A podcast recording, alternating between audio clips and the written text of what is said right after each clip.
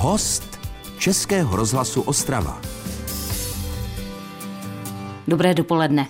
Po nějakém čase se potkávám s mužem, se kterým jsem měla příležitost se vidět, možná je to nějaké dva roky a něco zpátky. Bylo to tehdy lehce pod tlakem časovým, tak teď jsem ráda, že na to máme takový jako vyklidněný prostor, protože s tímhle mužem opravdu je o čem. Tomáš Etzler, dobrý den. Dobrý den, děkuji za pozvání. Někdejší válečný zpravodaj pro stanici CNN a potom dlouhodobý zahraniční zpravodaj v Číně pro českou televizi. Kdybyste tyhle ty roky spočítal v té službě těch jiných stanic a v těch jiných jiných zemích, kolik to je?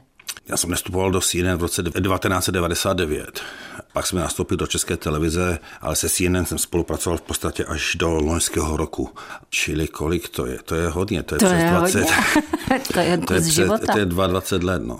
Vyprávět váš příběh, já teď tak různě budu skákat v časech a prostorech a možná i atmosférách a naladách, protože vy teď momentálně se vyskytujete už na volné noze, čili vy už nejste v tom, a to je otázka, jestli vám to chybí nebo nechybí, nebo musíte být v tom presu. Víte co, mi ten pres nechybí. Takhle, já pořád, pochopitelně jsou momenty, kdy si říkám, že bych chtěl být teďka na Ukrajině, nebo nevím kde, ale já jsem to dělal velice intenzivně přes 20 let a to si vybere jistou daň. Mm. A já jsem už po té Číně jsem prostě cítil eh, něco, čemu jsem se předtím vysmíval, že to se mi přece v životě nemůže stát a to je vyhoření. Já jsem proto až v podstatě do loňského roku s tím CNN udržoval velice jako dobré vztahy pracovní, protože mě pořád pouštěli do nějakých, jako vysílali do nějakých míst a takhle. V Rusku jsem byl několikrát pro ně zápalvy v Německu a takové věci, ale já už bych to nechtěl dělat na plný úvazek. Já se přiznám, já netuším, jestli bych na to ještě dneska měl úplně tu energii, která je k tomu potřeba. Jo. Jo, občas si postesknu, jaké to bylo jako ve válkách, ale já jsem se vyrovnal s tím svým životem teďka, jak když přemýšlím, jako, co, co budu dál dělat, já opravdu se chci věnovat čím dál tím intenzivněji psaní. Teď co všechno potřebujete sdělit, protože všechno vlastně vychází z vás. Příběhy příběhy, příběhy. Já i na tu žurnalistiku jsem se vždycky díval jako víceméně na povídání příběhu. Samozřejmě jsou tam fakta, jsou tam data, jsou tam údaje, které musíte udat, ale za každým tím číslem, za každým údajem je lidská tvář. Protože jsem cestoval hodně v životě, jsem prostě na mnoha místech světa zažil skutečně hodně. A já se o ty příběhy teďka jako chci dělit. Čili já jsem vydal, mi vyšla knížka v loňském roce novinářem v Číně. Bohužel se to tam všechno nevlezlo do té jedné knihy, takže píšu pokračování. Pak se chci vrátit k těm svým, já tomu říkám, tomu projektu pracovně americké roky mm-hmm. a to budou také dvě knihy, protože to se nevleze. Jako jednak tam bude teda to moje období v CNN, pak tam bude to období před CNN, které bude mnohem výživnější než to CNN. Chci napsat i ostravské roky. A na to se těším moc. A propo, teď jsme teda v Ostravě. Jaká je viděno tou vaší dnešní optikou s odstupem? Víte co, já jsem včera slyšel na ČT Art, nebo předevčírem, eh, rozhovor s panem architektem Pleskotem. Mm-hmm. Když věřím, že není Ostrava, já teda nevím, není, ale myslím, není. že není. Ale on velice pěkně mluvil. Já vám řeknu věc, já když jsem odtud odcházel v roce 1991, tak já jsem byl rád, že odtud odcházím. Mm-hmm. Prostě já jsem měl na tu Ostravu opravdu takové šedivé vzpomínky. Pamatuju si, jak špinavá byla Ostravice, jak prostě špina, jako já jsem žil, chodil do školy už ještě si pamatuju, když fungovala koksovna Karolína. Já jsem bydlel v centru, ale jezdíval jsem do Vítkovi, na Vítkovický atletický stadion. Já jsem chodil, jak jsem dělal lehkou atletiku, napřed se projíždělo kolem Karolínky, pak se projíždělo ocelárnama nebo ano, železárnama. Tam my jsme přímo viděli ty odpichy, jako prostě jako jak, jak teče to rozhavené železo, no. jako to bylo vidět z tramvají. to, to, bylo jako neskutečné. A navíc jako byl, bylo to za komoušu a ta Ostrava patřila mezi takovou tu jako hardkorovou baštu mezi, jak, mezi těma komunistama. Čili já jsem, od, já jsem byl rád, že o to padám. Ale já se tady dneska strašně nadvratím. A teď se vrátím k tomu panu Pleskotovi. A on říkal, to už není ta šedá krajina. On říkal, to je nádherná malebná krajina, prostě mezi Beskydami a Jeseníky. S obrovskou množstvím, obrovským množstvím zeleně. A já to vidím úplně stejně, ale on to prostě jako formuloval jako, já jsem to nikdy takhle neverbalizoval. Ta Ostrava se strašně, strašně zvetila. Je to pěkně. Jako jedno tu Ostravu i pěkně, velice pěkně popsal trošku z jiného hlediska Radek Pastrňák z Butu. On říkal, že to je tady v podstatě takový ten melting pot, jo, kdy prostě jsou tady jako Češi, jsou tady Moravané, Poláci, jsou tady Slováci, Romové, prostě hodně lidí tady přijíždělo za prací. Ano. Tady ta kultura se nějak podepsala těch etnik. Takže je to, je to opravdu zajímavé místo a já jsem v podstatě dneska rád, že jsem se nenarodil v Praze. Já jsem rád, že jsem prostě Ostravák, jako a navíc jako to bylo trošku surovější a syrovější město, než třeba je ta Praha nebo Brno. No, já si myslím, pardon, že tahle ta výbava vám potom musela strašně posloužit, tedy jak v té Americe, tak zejména v té Číně, ne? Tady jako To, to jsem musel odrkat, no. Já jsem sice z té Ostravy odešel, ale ona ze mě nikdy neodešla, jo. Zaplať pambu. Jasně, jako jednou chachar, vždycky chachar. Já to tady mám rád. A to se hezky poslouchá, já jsem ráda, že se teď můžu s váma povídat, že tu v té Ostravě teď jste. S Tomášem Eclerem trávíme dnešní eh, čas, protože je hostem Českého rozhlasu Ostrava. Český rozhlas Ostrava. Rádio vašeho kraje. Posloucháte Český rozhlas Ostrava v výborném hovoru jsem s Tomášem Eclerem, novinářem. A propo teda, když jste tady teď v té Ostravě, tak opravdu neposedíte, protože vy ty příběhy šíříte ještě i jinými způsoby, besedujete se spoustou lidí, po školách jezdíte. To si myslím, že to cílení na ty mladé je, jak to říct, jste programový. Víte co, jsem tady teda řekl, že chci hlavně psát. Ale další věc, co chci dělat, já se prostě chci dělit o své zkušenosti s mladými lidmi. I o ty profesionální, protože já jsem se kdy za ty léta, za ta léta prostě v tom spravodajství jsem se naučil prakticky všechny aspekty toho řemesla, všechno. Ale zároveň se chci dělit prostě i o té zkušenosti z jiného hlediska. A to z toho, že já prostě jsem z Ostravy, já jsem byl průměrný žák, já jsem měl na gymnáziu trojky. Dokonce tam padlo i, bylo i pár čtyřek z takových oblíbených předmětů, jako třeba byla ruština, fyzika, chemie. Já matika. Já jsem matiku ještě až tak zvládal, ale deskriptiva, takhle to, že to byly trošku horší věci. Na vysoké škole jsem sice měl prospěchové stipendium, ale to, že už třeba na tom gymnáziu nebo potom, když jsem studoval pajdák tělocvik zeměpis, kdyby mi někdo řekl, že skončím v CNN a budu pokrývat ty největší události světové, tak bych si myslel, že ten člověk jako je prakticky psychicky narušen nebo něco. A stalo se to. No. A já se to snažím předat těm, jako těm mladým lidem lidem, jakože jakýkoliv sen, který můžete mít, jak, je úplně jedno, jak je velký, když ho opravdu skutečně chcete a když si za ním opravdu jdete a jste schopni a ochotní pro to obětovat něco ze svého pohodlí, tak se vám ten sen splní. Jsem ještě ve svých 25 nevěděl přesně, co ten sen je. Jasně, že jsem, jako já jsem prostě netušil, že budu novinářem. Já jsem to vystudoval, ale už o hodně později ve Spojených státech. To už mi bylo 33. To už jde hůř. Ve 30 ne, ne, nešlo? Ne, ne, ne, mě to tak omladilo. To byla jedna z nejlepších nápadů, co jsem jako kdy měl. Já jsem se tam dlouho nemohl prosadit. To nejde, že zajedete do Hollywoodu a řeknete, já jsem Tomáš Sedasko natáčel v ostravském studiu Československé televize. Dejte mi, jako ne, tak to, tak to, já jsem právě netušil, jak to funguje. Já jsem udělal strašnou spoustu chyb ze začátku, takže by trvalo 8 let se prostě někam, jako se, se dostal do CNN v tom roce 99. Ale mezi tím, jak jsem se přihlásil na studium jako novinařiny. A to taky nebyla první volba. Já jsem chtěl studovat film ve svých 33 letech, ale na té univerzitě, já jsem bydlel v Coloradu v tu dobu, v Denveru, a tam na té univerzitě měli pouze bakalářské studium toho filmu. A já jsem nechtěl jít na čtyři roky do té školy. Dívám se tady jako ještě mediální škola a jsou tady novináři, tak, tak, tak půjdu na tu novinařinu. Já jsem předtím novinařinu nikdy nedělal. Nikdy tak to všechno začalo, protože, no a přišel jsem na tu školu a tam byli všichni o deset mladší než já, ti spolužáci. To je nádherný kampus, přímo pod horama. My jsme kolikrát ti profesoři, jako já jsem studoval televizní novinaři, a já jsem si tam dal třeba lekce i psaní pro časopisy, pro psaní pro noviny a takhle a kolikrát bylo pěkně, tak jsme seděli na trávě venku, prostě jak to znáte z těch amerických filmů, tam jsme jo, si jo. povídali jako a pak tam byl jeden angličan, který říkal, tady, tady, tady se jíst nenaučíme, pojďme do hospody. Přitom to je jedna z nejlepších jako státních univerzit ve Spojených státech a mě to hrozně prostě nakoplo. Takže já jsem tušil, že po té škole, že snad nějaké uplatnění jako v něčem jiném, v, v nějakém, jako buď v televizi nebo v novinách, že se prostě najde. Co všechno vám to vzalo? ten sen, co všechno vy jste obětoval, kdy?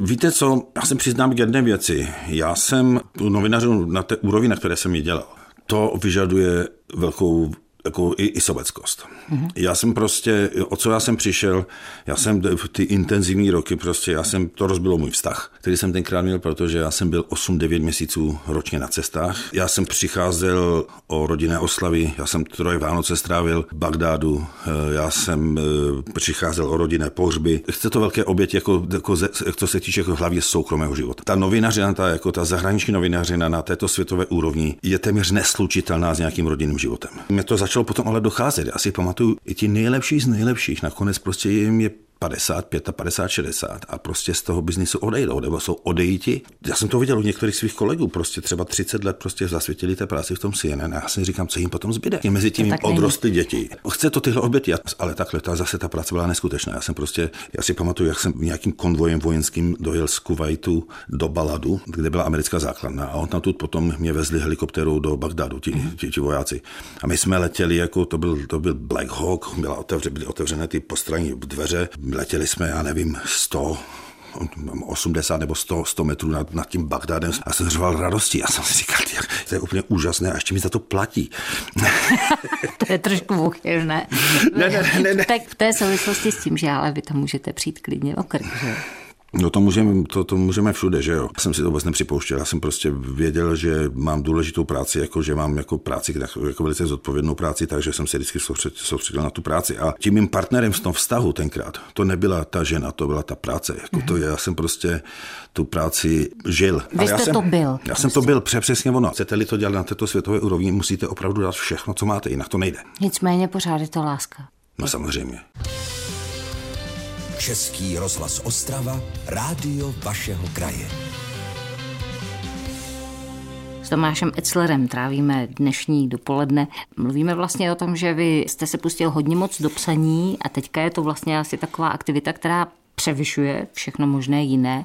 Nicméně film Nebe, tohle je něco, co je vlastně to vaše řemeslo, protože vy jste dokumentarista, vlastně pra, pra, pra původně. Já jsem tělocvikář. ne, takhle, já jsem, takhle, první dokumenty, nebo já nevím, jestli to by se to dalo nazvat dokumenty, jsem ano, dělal už, už tady v Ostravském studiu, ale já jsem spíš dělal ty hudebně zábavné pořady, to byly taky, ale zase v podstatě takové mini dokumenty s hudbou, že jo, o těch kapelách, já jsem to dělal trošku jinak. Pak jsem natočil dokument ve Spojených státech, který já totiž po těch, jak, když jsem se dostal na tu školu, prostě to bylo 6 let potom, co jsem odešel z Ostravy, to, tak já jsem si chtěl dokázat, že to ještě umím nějakým způsobem. Tak yeah. jsem to, to, to, to řemeslo nebo tu, tu práci televizní, tak jsem si prostě počil strašné prachy. Jako. Jsem si vzal půjčku, jako univerzitní půjčku 40 tisíc dolarů a vrazil jsem to do filmu. Točil jsem film, pak, jsem, pak mi jako prachy došly jako klasika, si počil další 16 tisíc dolarů. A ten film jsem dokončil, ale jsem si říkal, jestli já to neprodám ten film, tak já to budu zpracovat dalších 30 let. prachy, ale já jsem ho prodal. Nejenom ve Spojených státech, ale koupila třeba norská televize, švédská televize, prostě slovinská televize a jiné televize v Evropě. Takže ty prachy, já jsem nic na tom nevydělal, ale ty peníze se mi vrátily. Zase jako dokument, jak mě pár lidí, jako už bývalých kolegů třeba v české televizi, v tom CNN prostě oni říkali, že řada těch mých reportáží, co to jsou v podstatě mini, mini dokumenty. Ano, jo? Ano. Jako je tam ten lidský příběh, příběh. Je tam ten dokument nebe v podstatě vznikl i z toho popudu, že jsem prostě tam měl pár kamarádů v Pekingu, ale jaká je, jaká je škoda, že i ty největší příběhy, jako ty silné příběhy, že vždycky musíme narvat do těch 90 až 120 vteřin té televizní reportáže. Mm-hmm. A jak by bylo skvělé, kdybychom měli více prostoru jako a dělat trošku ty další formáty, jako třeba dokumenty. A vždycky jsme dospěli k jednom, ke dvěma problémům. A to jednak, že nemáme peníze na to a nemáme na to čas.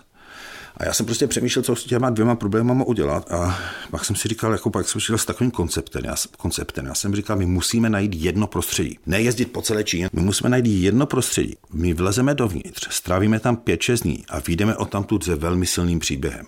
A ta prostředí mě napadla dvě, a to jednak afgánské vězení, kde jsem několikrát také točil, jako, a to je zase, to je prostě cesta do středověku, cesta do obrazu Jeronima Boše a čínský siročinec. Já jsem netušil, že mi bude trvat téměř rok, třeba, rok třeba se do toho siročince dostat. Jo. Já jsem se strašně přepočítal, ale potom to, původní natáčení, opravdu my jsme tam přijeli do toho siročince, strávili jsme tam čtyři dny a vyšli jsme se silným příběhem. tahle část toho mého plánu fungovala. Nakonec ten film trval 8 let dát dohromady. Jak moc se posouvá to prostředí, nebo vlastně celá myšlenka, nebo člověk sám, když prostě má rozpracováno něco. A teď to trvá takováhle léta, protože mezi tím člověk jako trošku nazírá jinak, ne? Já se přiznám k jedné věci, já jsem to málem vzdal několikrát. Jo. Původně, když jsme to natáčeli, ten film, tak byl původně byl opravdu jako vymyšlený čistě, koncipovaný pro jako půlhodinový film pro CNN. Byl dokonce namluvený a pak to CNN neodvysílal. Já nevím, jako z jakého důvodu, do dneška mi to jako neřekli a ten film vypadal tenkrát pochopitelně úplně jinak, než vypadá dneska. Jako pro mě to byla, jako ono se vždycky říká, že jedna z nejhorších věcí, co se může stát boxerovi, je, když, kromě toho teda, že dostane baňu, je, když prostě se snaží jako soustředit se na úder, jako dá do toho úderu veškerou sílu a mine. A já jsem měl takový pocit potom, potom, potom dokumentu. Já jsem z toho byl jako strašně znechucený jako, a byl jsem jako naštvaný a vyčerpaný potom. A já jsem to ale naštěstí ty materiály ukázal jedné ostravačce, která se jmenuje Kateřina Ondřejková. A je a, natolik dobře švihlá. A ona říká, Tomáši, Tomáši, to musíš dodělat. A ona, já jsem mi ukázal ty materiály, říkala, to musíš, musíš dodělat, ale musíme sehnat prachy, musíme mít celovečerný dokument, to nemám dostatek materiálu. A ona říká, to musí se to musí dotočit, musíme sehnat prachy. Tak jsme prostě psali v angličtině různé jako náměty a explikace a tvůrčí úmysly a takhle a zažrali jsme to a ty peníze jsme nedostali. Hmm. Já jsem říkal, já už na to ani nešáhnu, ten film je prokletý, ten film nemá spatřit světlo světa, ale ta Katka je prudička. A ona mě tlačila, tlačila. Pak mě propojila s eh, Janem Macelou, velice jako šikovným českým producentem. Ten potom sehnal peníze. Nebýte Katky, tak ten film nevznikl. No a dneska ten film má čtyři ocenění prostě a jdeme s ním do světa, takže mám obrovskou radost, jako že se povedlo. A je to silný koukání, teda taky dobré vidět, protože my teď navíc ještě v současnosti, kdy si teď máme jakože důvody stěžovat na spoustu věcí, které se nám změnily v těch životech, ale pořád je to houby ještě, že jo? To je naprosto, na, naprosté houby, jo. A takhle, mám hroznou radost, jak diváci reagují na ten film. Od 18 po 90 let. A za mnou ale třeba chodí lidi, píšou, říkal ten pane, dobře, ten film je v Číně, se odehrává o Číně, ale ten film je hlavně o hodnotách a píšou mi lidi, že úplně přehodnocují, jako jak se dívali na svůj život prostě, nebo jakým způsobem v podstatě žili. Jo. Tam v tom siročinci, já jsem tam ukradl jednu větu, v tom siročinci, eh, oni jsou strašně chudí. Oni jsou mhm. prostě, to jsou sirotci, o které se starají katolické jeptišky a žijou z milodaru. No ty děti tam jsou pořád v bundách a pořád jsou navlečený, protože to no, protože, prostě protože se netopí. Zima. Tam se netopí, protože oni nemají peníze. Přesně, oni prostě spí v bundách, i, i obědvají v bundách, snídají v bundách. Já si pamatuju, když jsme tam, my jsme tam byli, my jsme se do toho sirotnice potom vrátili v roce 2017. Já teda musím uvést na pravou míru, já jsem v tom sirotnici nebyl v tom 2017 už, protože ty jeptišky už v tom roce 2017 měli takový strach z té vlády, komunistů nebo komunistickou aparátu, že říkali tam, tady žádný běhloch už nesmí. My tam chceme jenom čínský štáb. Hmm. Tak já jsem musel najmout jako jednu číňanku.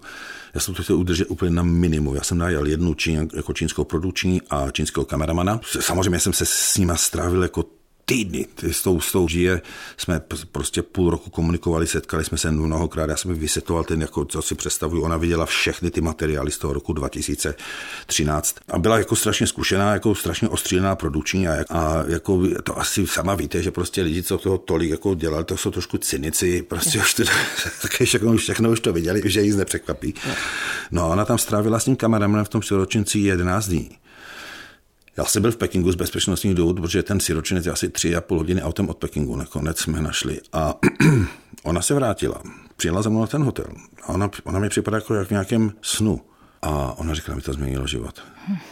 A ona se na mě podívala a říkala, Tomáši, oni jsou šťastnější, než jsme my. A já jsem tuhle její větu ukradl, dal, dal, jsem to do, dal jsem do toho filmu, protože ona říkala, oni, oni se za ničím nehojí. Oni nehojí, oni nechtějí mít auta, oni nechtějí mít e, drahé oblečení, oni nechtějí mít chatu, oni, jim jako, oni nechtějí mít jako vystudovanou vysokou školu. Oni prostě se mají rádi, oni jsou tam jeden pro druhého. Oni jsou šťastní s tím, co mají a jací jsou.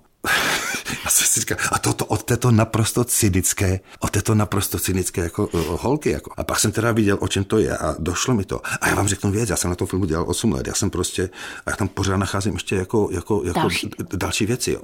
A tam se stala ještě jedna věc, to mám obrovskou jako radost. Tím dneska nejsme spoj, ve spojení vůbec, protože taky jako mám strach, jako oni a ona asi o sebe taky. Mm-hmm. Proto ona není ani v titulcích, jako prostě to je její celé jméno pravé. Eh, aby se jí jako něco nestalo. Ale by říkala, Tomáš, ten film musíš dodělat.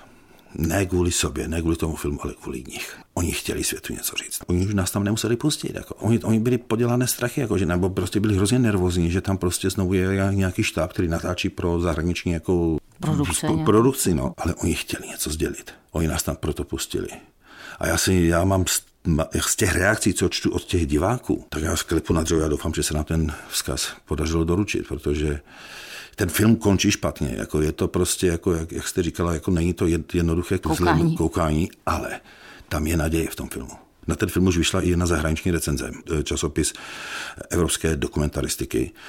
A tam ke konci, jako je to pozitivní recenze, a tam ke konci je jedna věta, která mi úplně vyrazila dech on tam ten píše, ten recenzent píše, jestliže Etzler byl schopen najít kousek nebe v takovém místě, jako je Čína, takže je naděje pro nás, pro všechny. Já nemůžu teď nic říct, tak prostě budeme teď chvilku hrát. Český rozhlas Ostrava, rádio vašeho kraje. Možná velká škoda, že neslyšíte to, co se odehrává, když vyslyšíte píseň. Já jsem stále v neuvěřitelně intenzivním hovoru s Tomášem Etzlerem. O vás by měl být obrovský dokument. Myslím si, že i hodinový by byl málo. To ne. To teda. Víte co, to jsou věci, které mě jako, jako jsem prostě jako vypravěč příběhu. Zaujalo mě to, co jste říkal mezi řečí úplně jenom, že už byste tu Čínu tak nějak chtěli jako možná odsunout nebo zavřít, nebo lze to vůbec? Víte co, nevím. Já doufám, že to lze. Strávil jsem tam sedm let života. Zase, aby byl úplně upřímný, naplno, jako na plný úvazek čtyři roky, ale mi se tam v roce 2009 narodila dcera Pekingu, která svůj první rok života strávila na antibioticích, protože měla jeden zánět jako horních cest dýchacích za druhým kvůli toho smogu. Tak já jsem prostě si říkal, jako tak na to, já tady nezabiju svoji dceru, ale naštěstí mi vyšlo vstříc vedení Česko, České televize s tím, že jsem se mohl přestěhovat do Hongkongu, kde ten vzduch je čistší. Ale abych si udržel akreditaci v Číně a e, ta pracovní pracovní víza, tak jsem musel minimálně 6 měsíců v Číně být každým rokem. Takže, a oni si to hlídali jako velice poctivě. Takže e, já jsem potom už tam nežil na plný úvazek, což prodloužilo mou životnost, jako, že jsem tam nezešídel v té Číně. A, a to nebyla leda jaká doba. To byla prostě opravdu strašně intenzivní jako život v té Číně. Ta práce byla nesmírně náročná, zejména, já to vždycky říkám, já Čínu považuji dneska za to nejhorší prostředí, ve které jsem kdy pracoval. A to nemluvím o vzduchu. Jo. E, nejtěžší jako vůbec destinace, kde jsem kdy pracoval a horší než ty války. Jo. Protože v těch válkách samozřejmě tam nebezpečí, vy víte, že střílí se, padají miny, teda minometné granáty a takové věci, bomby, ale vy většinou tušíte, odkud to může přijít. Navíc já jsem tam nežil v těch válkách, já jsem prostě tam byl třeba dva, tři měsíce a pak jsem odjel do svého pěkného bytu v Atlantě nebo potom později v Berlíně, chodil jsem na koncerty, na výstavy, lezl jsem, jako odpočíval jsem v Tečíně nebylo kam utéct. Tam sice po vás nikdo nestřílí, ale jak jsem říkal, já jsem byl 23krát zadržen. A ta zadržení to jsou zase jenom takové dramatické záležitosti. Jo. Ale mají jako jeden úkol, oni mě nezadrželi proto, nebo nezatkli proto, aby, že, že mě chtěli z něčeho obvinit. Že věděli, že jsem neporušil. To je prostě obtěžování. To má za účel zastrašit, vystresovat, ponížit. A funguje to. Já netuším, jaký jsem měl tep v takové chvíli. Navíc, jako abych tomu předešel, já jsem vždycky natáčel ve stresu. Já jsem vždycky věděl, že někdo může někam zavolat, že se tam ta policie může, nebo vždycky o 90%. Jo. Mm. Takže tam člověk při tom natáčení pořád jsem se ohlížel, jako, jako kdo za mnou jde, kdo za mnou nejde, proč tam ten chlápek telefonuje. Jak tu, prostě to byl neustálý stres. Věděli jsme, že nám odposlouchávají telefony. Věděli jsme, že máme jako štěnice jako v redakci doma, jako by jsme měli v redakci doma, v redakci jako v našem bytě. Obtěžovali naše, naše čínské spolupracovníky, vyhrožovali jim. Tam je prostě denní stres a to člověka omele. Čili my jsme utíkali buď do Hongkongu, to byl ještě tenkrát Hongkong normální město, dneska už to taky jako ano, nefunguje, tak. Eh, nebo na Tajvan, nebo prostě někam jako do Vladivostoku se mi nechtělo. a nebo prostě do severního Thajska se jako, jako dost jezdilo. Chiang Mai, Chiang Rai. A my jsme potom jezdívali na Bali, což bylo prostě nebylo tak daleko. Prostě podívat se na oblahu, nadýchat se trošku čerstvého vzduchu. Poznamená to člověka, že si tady tyhle ty návyky toho stěhomamu, který z toho musí vyplynout, tak eh, že si je udrží ještě nějakou dobu, i když se vrátí zpátky. Já jsem opatrnější se vším. Já prostě nevěřím moc. já si všechno ověřuju. Jako já prostě jako, to jsou takové zábavné věci. Já si pamatuju, jak jsem třeba tady přijel do Prahy a já si pamatuju, jak jsme třeba jednou nebo jindy jsme šli třeba na večeři s Martinem Řezníčkem jako v Praze, jako takovou pracovní večeři a já jsem mu začal říkat něco, co chci jako o Tibetu nebo o Falun Gongu a já jsem se k němu naklonil a začal jsem šeptat. A on říkal, e, Tomáš, tady jsme v Praze. Já jsem teďka měl nějaký prostě jednání s Indonésií, jako s nějakými jako podnikateli v Indonésii. Já prostě už jako preventivně všechno, jako oni, oni mi poslali jako něco, něco, prostě nějaké překlady s tím, že tomu můžu věřit. Já jsem tomu nevěřil, já jsem si to nechal všechno přeložit ještě sám, jako, jako jsem ostražitý po té Číně, tak to řeknu. Bál jste se tam někdy, jakože fakt jako šlo, šlo tam někdy jako o držku s prominutím? Nebál, takhle. E, nebál jsem se tam, já jsem se bál o ty svoje zaměstnance, ano, to jsem se bál, aby je nezatkli. Zatkli prostě spolupracovníka třeba New York Times a dostal čtyři roky na tvrdo, protože zjišťoval čísla obětí AIDS a oni potom si vymysleli, že Číňani, že to je státní tajemství a, a za, za prozrazování státní tajemství do zahraničních médií dostal čtyři roky na tvrdo.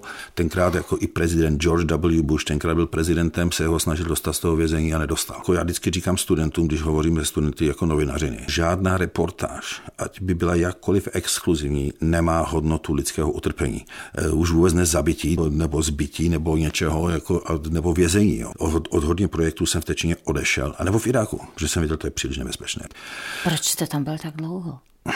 Víte, co to je skvělá otázka? Několik důvodů. Já jsem něco slíbil České televizi, jako tomu vedení zpravodajství a já prostě držím sliby. Takhle, já jsem chtěl odejít po roce. Já jsem říkal, co jsem to, proč, proč jsem to pro boha udělal. Jako byl jsem loajální vůči té České televizi a řekl jsem mi prostě, jako já je nepodrazím, jak tady jako zůstanu. Jedna věc. Druhá věc. Já jsem prostě v té Číně jako nepracoval jenom pro českou televizi. Já jsem tam začal pro českou televizi, ale já jsem začal znovu spolupracovat se CNN velice ano. intenzivně a velice intenzivně jsem spolupracoval se švýcarskou televizí a Švýcaři jako platí velice dobře. Čili já jsem měl v podstatě tři platy. Já jsem v životě ani předtím, ani potom nevydělával tolik peněz jako v té Číně. Čili ano, byl tam tenhle materialistický finanční důvod. Další důvod byl ten, že já jsem potom začal trošku, jsem si říkal, co já budu dělat, až tady skončím. Pojedu na kavky a budu tam dělat jako na velíně, prostě ve spravodajství, nebo já jsem vůbec netušil, jako, co se bude dít. Takový jako možná až strach, jakýsi zvyk, jako, že prostě mám tu práci. A já vám řeknu věc, jako já jsem jako, a ty obavy, jako, co já budu dělat, jako byly oprávněné, protože já, když jsem potom tu výpověď dal České televizi, můj poslední den byl 31. března 2014. Rok 2014, ten zbytek roku 2014 a 2015 byly pravděpodobně ty nejtěžší roky zase mého dospělého života od Spojených států, kdy jsem prostě ve Spojených státech za začátku totálním způsobem živořil. Ono se to zopakovalo v tom Hongkongu, nejdražším městě na světě, kdy já jsem prostě jako, já jsem zháněl práci, já jsem prostě zháněl práci, já jsem si říkal s mým CVčkem, to nebude problém. A rozeslal jsem to do všech redakcí velkých a takhle prostě a, a různých firm. A ani, ani nic. Já jsem se bavil s jednou kamarádkou, ona říkala, Tomáši, oni se podívají na to, co je CVčko. Vidí, že si po první školu dokončil v roce 88. Oni si spočítají, kolik ti je let spočítají si, kolik bys je stál, jako s těmi tvými zkušenostmi, to určitě, jako, takže oni pro ně bude daleko... překvalifikovaný. Přesně, on říká, oni daleko radši si najmou někoho, kde je o 30 let mladší než ty. Prostě zaplatí mu třetinu, než by museli platit tobě. tobě a víš, že v té společnosti zůstane 20-30 let možná, jo? Ty už nezůstaneš. Uh, ona má pravdu. to budu muset jako udělat sám. Já to prostě jako mě už nikdo nenajme. Čili ty, ty obavy pro, jako odejít z té české televize jako dřív, tak byly na místě. Já jsem tam zůstal tak dlouho, protože eh, jak jsem z těch důvodů a tady ten, z těch několika důvodů, které jsem zmínil, a tady tento důvod, prostě, co já potom budu dělat. Prostě já jsem se děsil toho, že já půjdu na volnou, protože já jsem, já nejsem prodavač, já se nemím prodávat. Jo. Já se tady musím pochlubit ještě jednou věcí. Mně se ozvalo jedno nakladatelství z Velké Británie a ta kniha je momentálně překládána do angličtiny. A já doufám, že teďka prostě mě začnou živit ty knihy. No a já se chtěla zeptat na to, co bych vám tak nejlépe měla popřát a vy to vlastně máte celkem sesumírováno. Ale přesto máte nad tím vším něco jako přání? Já chci co nejvíc času trávit se svými blízkými. Já mám dneska dvě vnučky a očekávám vnoučátko. Vás si představit, jako že si postavíte ten domeček a budete ho opečovávat a, a trávit čas na té jedné zahradě. Já bych zašílel. Já, ne, já, chci, já chci něco, co bude už mám vymyšleno pár míst, to budu mít velice jednoduchý přístup ke skalám, uh-huh. k běžkám, eh, na, na lyže a na kolo. Já, já ta fyzická námaha, jako mě to baví jako, a já se tím strašně vždycky odreaguju. Jo. Strašně vám to přeju. Tomáši, přijďte zase brzo, prosím, protože to musíme zase dopovědět. Přijedu, já vám moc krát děkuji za pozvání a moc pěkně se mi povídal s vámi. Děkuji vám. Já taky. Český rozhlas Ostrava. Rádio vašeho kraje.